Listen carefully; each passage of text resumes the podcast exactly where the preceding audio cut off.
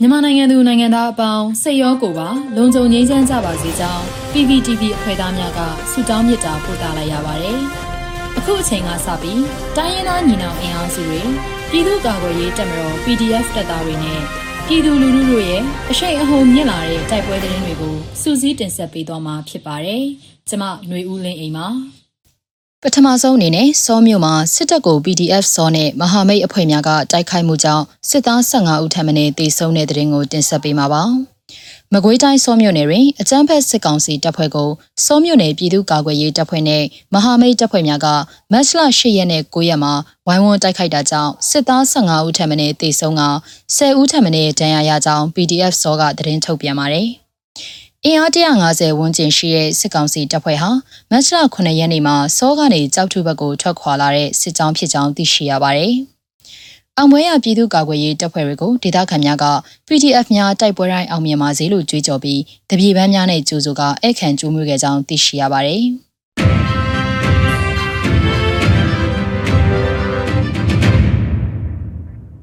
ဆက်လက်ပြီးဗိမ်းမြို့တွင်စစ်ကောင်စီခန့်ဝန်ကြီးချုပ်မြတ်ကိုရဲ့ရှင်နံပြစ်ခတ်တိုက်ခိုက်ခံရပြီးစစ်သား2ဦးဒဏ်ရာရတဲ့တဲ့ရင်ကိုတင်ဆက်ပေးပါမယ်။တနင်္သာရီတိုင်းဗိမ်းမြို့နယ်မှာစစ်ကောင်စီခန့်ဝန်ကြီးချုပ်မြတ်ကိုရဲ့ရှင်နံပြစ်ခတ်တိုက်ခိုက်ခံရပြီးစစ်သား2ဦးဒဏ်ရာရရှိကြောင်းဒေသခံများထံမှသိရှိရပါတယ်။မတ်လ10ရက်နေ့နနက်9:00နာရီဝန်းကျင်ကဗိမ်းမြို့နယ်နဲ့တနင်္သာရီမြို့နယ်အကြားလာသာကြီးရွာအနီးတွင်ဝန်ကြီးချုပ်မြတ်ကိုရဲ့ရှင်နံတိုက်ခိုက်ခံရခြင်းဖြစ်ကြောင်း ကား15စီးပါစစ်ကောင်စီရင်နှံပြစ်ခတ်တိုက်ခိုက်ခံရခြင်းဖြစ်ပြီးစစ်ကောင်စီတပ်သား2ဦးဒဏ်ရာရရှိခဲ့ကြောင်းအဆိုပါပြစ်ခတ်တိုက်ခိုက်မှုကိုမြည်သည့်အဖွဲ့ကလှုပ်ဆောင်သည်ကိုမသိရှိရသေးကြောင်းဒေသခံများထံမှသိရှိရပါသည်။တိုက်ခိုက်မှုကြောင့်ဝန်ကြီးချုပ်မြတ်ကိုကတစုံတရာထိခိုက်မှုမရှိကြောင်းလက်ရှိတွင်လာသာကြီးရွာအနီးကိုစစ်တပ်ကအင်အားတိုးမြင့်ပြီးနယ်မြေရှင်းလင်းရေးလုပ်ရန်စီစဉ်နေကြောင်းသိရှိရပါသည်။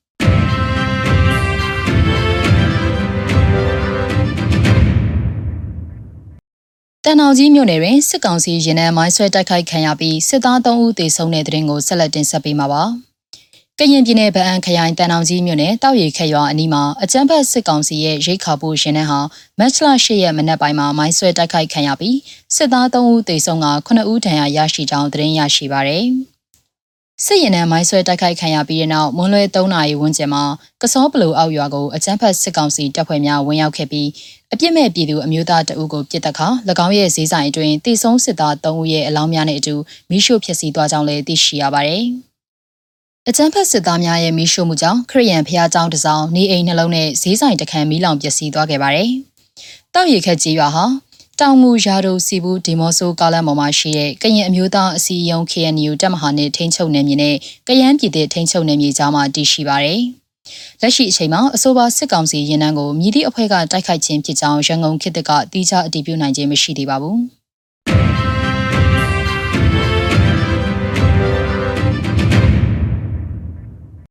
နောက်ဆုံးအနေနဲ့အမျိုးသားညီညွတ်ရေးအစိုးရပြည်ထရေးနဲ့လူဝင်မှုကြီးကြပ်ရေးဝန်ကြီးဌာနက2022ခုနှစ်မတ်လ10ရက်ရက်စွဲနဲ့ထုတ်ပြန်တဲ့ပြည်သူ့ခုခံတော်လှန်ရေးသတင်းအချက်အလက်တွေကိုတင်ဆက်ပေးသွားမှာပါ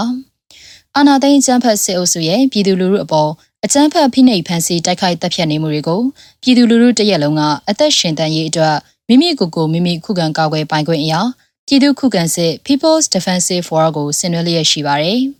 တရင်အချက်လက်များအရ9ရက်3လ2022ရက်နေ့မှာစစ်ကောင်စီတပ်ဖွဲ့ဝင်58ဦးသေဆုံးပြီးထိခိုက်ဒဏ်ရာရရှိသူ22ဦးအထိခုခံတိုက်ခိုက်နိုင်ခဲ့ပါတယ်။ဆီယနာရှင်စနစ်မြမမျိုးပေါ်မှာအပိတိုင်ခြုံငယ်ရေးနဲ့ Federal Democracy တည်ဆောက်ရေးအတွက်ငင်းချမ်းစွာဆန္ဒပြနေတဲ့လူလူသပိတ်တိုက်ပွဲများကပြည်내နဲ့တိုင်းဒေသကြီးများမှာဖြစ်ပွားပေါ်ပေါက်လျက်ရှိပါတယ်။မြေပြင်မှာယခုတွေ့ရတဲ့သတင်းအချက်အလက်များထက်ပို၍ဖြစ်ပွားနိုင်ပါတယ်ရှင်။